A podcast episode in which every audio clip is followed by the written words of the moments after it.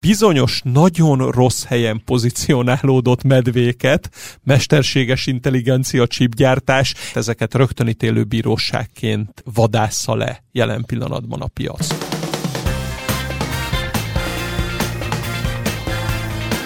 A japán ilyennel felmosták a pardon.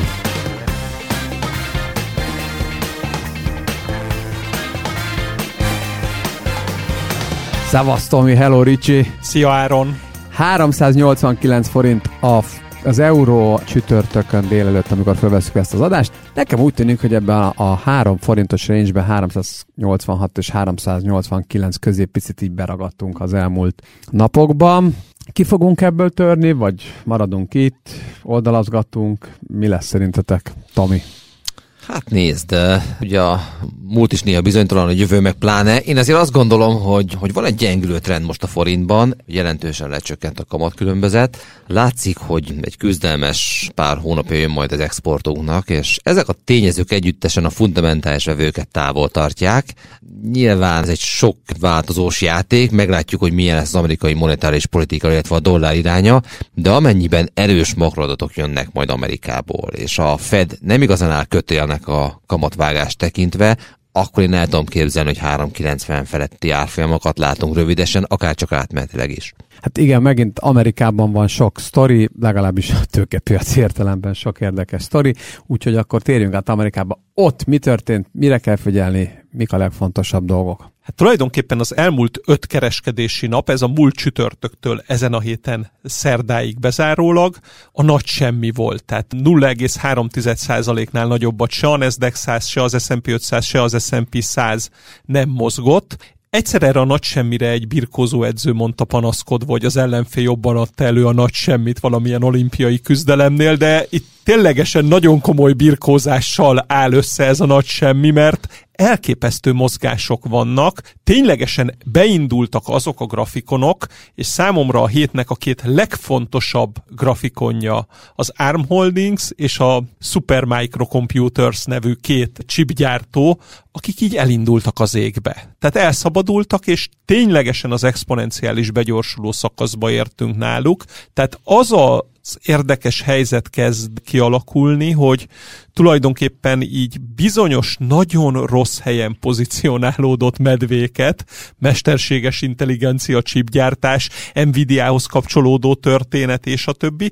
Tehát ezeket a medvéket, ezeket rögtönítélő bíróságként vadásza le jelen pillanatban a piac. Nagyon gyorsan, nagyon drámaian, és tehát ezek a hatások nagyon komolyak a piacon. Nekem ez az első sztoria így a hétnek. És ebben melléktörténet az Eli Lilly, az Nvidia is gyakorlatilag az Nvidia 50%-nyi kitörésben van a január 8-as szinthez képest, amikor elhagyta az 500 dollár. Igen, és bő egy hónapot hagytunk igazából azóta csak magunk mögött. A piacnak a kedvelt sztoriai az, az AI, mesterséges intelligencia és a fogyasztás, vagy a lefogyás sztoria azok, azok abszolút népszerűek továbbra is. Miközben egyébként a többi papírnál azért már jóval küzdelmesebb, tényleg egy iszakbirkózást láthatunk, vannak komoly negatív reakciók is jelentésekre, de én még egy pozitív dolgot kiemelnék, amit látunk Amerikában, ez pedig az, hogy azért a, ezek a részvény visszavásárlások kezdenek felpörögni, és olyan cégek is jelentenek be komoly részvény visszavásárlást, akiktől ezt még korábban nem várták. Ilyen például az Uber, aki most 7 milliárd dollárért vesz vissza részvényt. Ez a market capre vetítve nem egy kiemelkedő szám, de nem is jelentéktelen, meg is tépték ezt a részvényt. Tehát úgy tűnik, hogy az amerikai kapitalizmusnak ez a részvényesi értéknövelő gondolkodás módja a buybacken keresztül, ez élés virul, és elég sok cég próbál ide becsatlakozni. Ez mindenképpen egy érdekes fejleménye volt az elmúlt egy hétnek. És gyakorlatilag nagyon-nagyon érdekessé kezd válni azzal is a helyzet, hogy tegnap volt egy előzés, az Nvidia a harmadik legértékesebb vállalattá vált. 1825 milliárd dolláros piaci kapitalizációval megelőzte az 1822 milliárdos kapitalizációjú alfabetet, ugye a Google anyacéget, és az 1790 valamennyis Amazont is, tehát már csak az Apple és a Microsoft áll fölötte és előtte. Tegel. Tulajdonképpen, ha a 2000-es típusú begyorsulást szeretnénk látni, nem merném kijelenteni, és ez, ez teljes nonsens lenne egyébként, és tátott szájjal nézném, és kommentálnám itt néhány hét múlva, ha így lenne, de hogy megpróbálhatja valahogy utolérni. Tele van az internetben olyan analógiákkal, hogy a Cisco Systemsnek a 2000 éves, tehát a, a dotcom buborék könnyékén látott szereplését összehasonlítja a mostani Nvidia csártokkal. Hát ennek alapján egyébként még van benne tartalék felfelé. És el is kell mondanunk, hogy jövő héten ezzel fogjuk kezdeni, mert február 21-én szerdán piaczárás után jelent az Nvidia, és ez, ez szerintem most továbbra is azt gondolom, hogy a legfontosabb gyors jelentés. Várjátok, Tehát ez így ki, kilóg a nagy hétből, a többiek általában január végén, február elején lejelentettek, de ez a legfontosabb gyors jelentés továbbra akkor, is. Akkor nézzük át gyorsan az Apple-t, ha leszeretné győzni, és ugye ha másodikat megelőzöd, akkor második leszel. Van az a hát híres ott, kérdés. Akkor, ott még egy akkor, 50 százalékot kéne emelkedni nagyjából. Még, még, még, hát egy, még egy kicsivel többet, mint 50 vagy a többieknek kellene esniük. Tehát ez, ez lehet még egy nagyon 3000 milliárdnál. 3000 fölött van egy picivel, az Apple, Apple 2800-nál jelenleg. 1008, igen. 50 százalék még picit kevés ehhez. Igen, tehát, igen, igen. Tehát igen, itt igen, mondom, igen. ehhez egy teljes őrület kellene, de ha a cisco és a 2000-es analógiát meg szeretné ismételni a piac, akkor én azt mondom, hogy ha ezt egy évvel ezelőtt lenne valami ilyen beszélgetésünk, teljesen azt mondanám, hogy ez teljesen kizárt, lehetetlen, nem, nem következhet be. Jelen pillanatban, és nagyon-nagyon gyakran igaz ez, hogy az igazi nagy részvénypiaci emelkedéseknél szűkül, szűkül, szűkül a vezetők köre, és a végén megjelenik ez a hegylakó stílusú, csak egy maradhat, csak egy maradhat, és abban tud egy koncentrált őrület lenni. Tehát ezt továbbra is azt mondom, hogy józanésszel ez egy 1% alatti valószínűségű esemény, de olyan folyamatok zajlanak, hogy lehet, hogy adhatunk neki egy 3-4 százalékos esélyt, most, hogy utoléri az Apple-t vagy a Microsoftot az Nvidia. Igen, és viszont amit az elején mondtál, Ricsi, hogy a hasonló szektorban működő, jóval kisebb papíroknál tudnak kialakulni azok a rendkívül fájdalmas, igazi mániák, mert azokat tényleg lehet mániákusan kihúzni. Hát hogy nem, hogyha amikor az áremet megnézzük, akkor itt 10% csak a közkészhelyen, a maradék 90% továbbra is a japán softbanknál van és hát ez a 10%-os közkész hányad, azért ez amerikai dimenziókkal nézve ez, ez, ez szinte a semmi, tehát ez egy ilyen 10-12-15 milliárd dollárt ér, ugye ezt nagyon könnyű mozgatni. Ez az a részvény mennyiség, ami ugye az ezt marcangoló kutyáknak rendelkezésre áll, tehát ez nem sok.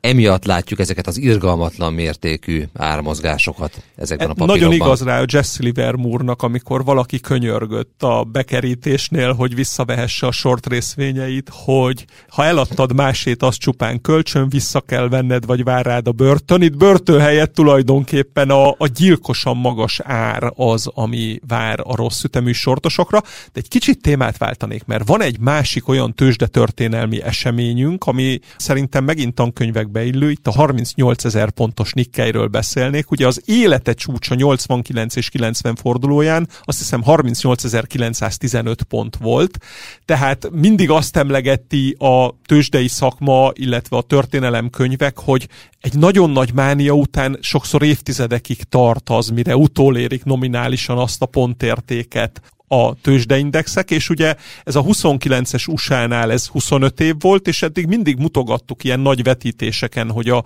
japánok még azóta se tudták utolérni magukat. Ez lehet, hogy ez lekerül a napirendről, és egy 34 éves időbüntetéssel nominálisan sikerül a japánoknak ezt utolérni.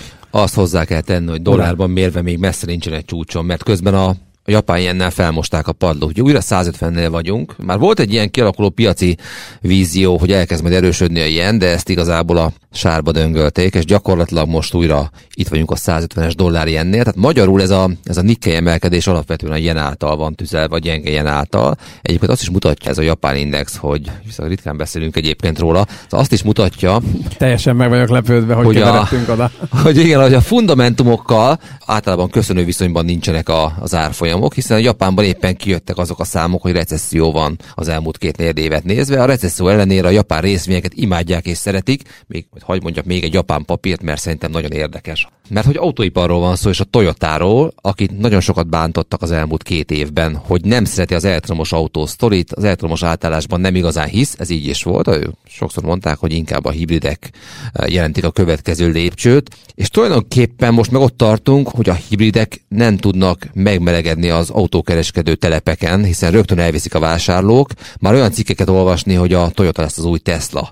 Ami azért valljuk be őszintén bizarró hangzik, de a Toyota all-time high ment, imádják ezt a papírt, a Tesla meg azért küzdelmes időszakát éli. Csak ezért mutogattam egyébként, ami nem akartalak megzavarni, hogy mondjatok már pár papírt, ami akkor is az indexben volt, és ami most is az indexben van. És akkor meg is válaszoltad, hogy a Toyota például ilyen. Abszolút igen, és egy, egy, egy nagyon erős szereplője most ennek a japán piacnak, ami talán ismert, mert vannak egzotikus elszálló részvények, de szerintem azokról a talán kevésbé érdemes beszélni.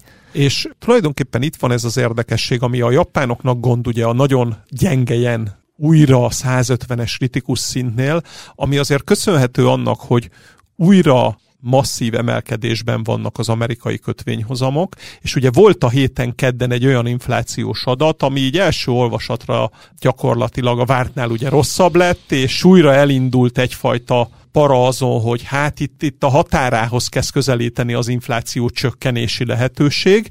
Amit még nagyon fontos ezzel viszont megemlíteni, mint piaci reakciót, a piac nem hajlandó a medvéknek a legkisebb győzelmet se rendesen odaadni. Tehát erre volt például kedden egy egynapos esés, a nap végét már megvették, a szerdai napon például ezt a Supermicrot már szanaszét tépték a szemik közül, és általában volt egy tök erős technológia, például ezen a szerdai kereskedési napon. Tehát az a nagyon-nagyon érdekes aspektusa van a piacnak, hogy nem tudott a 2024-es évben eddig még olyan hír kijönni, amire érdemi beleadás lett volna, és ez ott nagyon érdekes, hogyha végignézzük, az elmúlt 15 kereskedési hétből 14 emelkedő hét volt, ami egészen félelmetes, nagyon-nagyon régóta nem látott sorozat.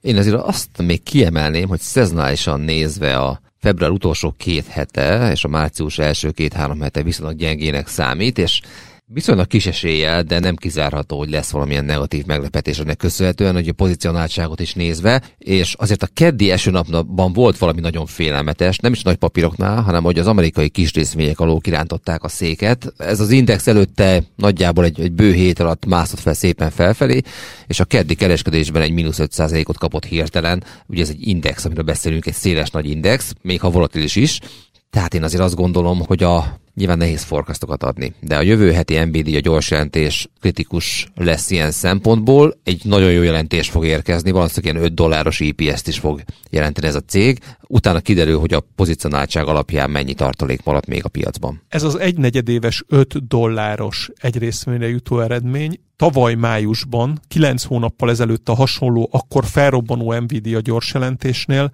még az egész évre vártak 6 dollár 30 centet. Tehát, hogy mi zajlik a, az Nvidia-nál, arra ez egy nagyon-nagyon jó szám szerintem. Tomi Ricsi, nagyon szépen köszönöm, és akkor jövő héten péntek kora reggel innen folytatjuk.